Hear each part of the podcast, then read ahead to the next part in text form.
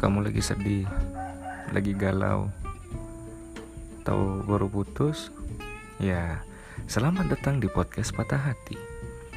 Ini adalah sebuah uh, obrolan diskusi yang pastinya tidak berfaedah dan nggak ada solusi. Bersama teman ngobrol saya nanti kita akan ngebahas hal yang gak kepikiran oleh orang lain. Intinya nggak penting mau itu soal percintaan atau masalah di keseharian kita bodoh amat pembicaraan random ini nggak baik diikuti karena kalian akan emosi dengan obrolan kami. Ya intinya perbanyak tertawa kurangi ngemil dan overthinking. Semoga terhibur dan selamat mendengarkan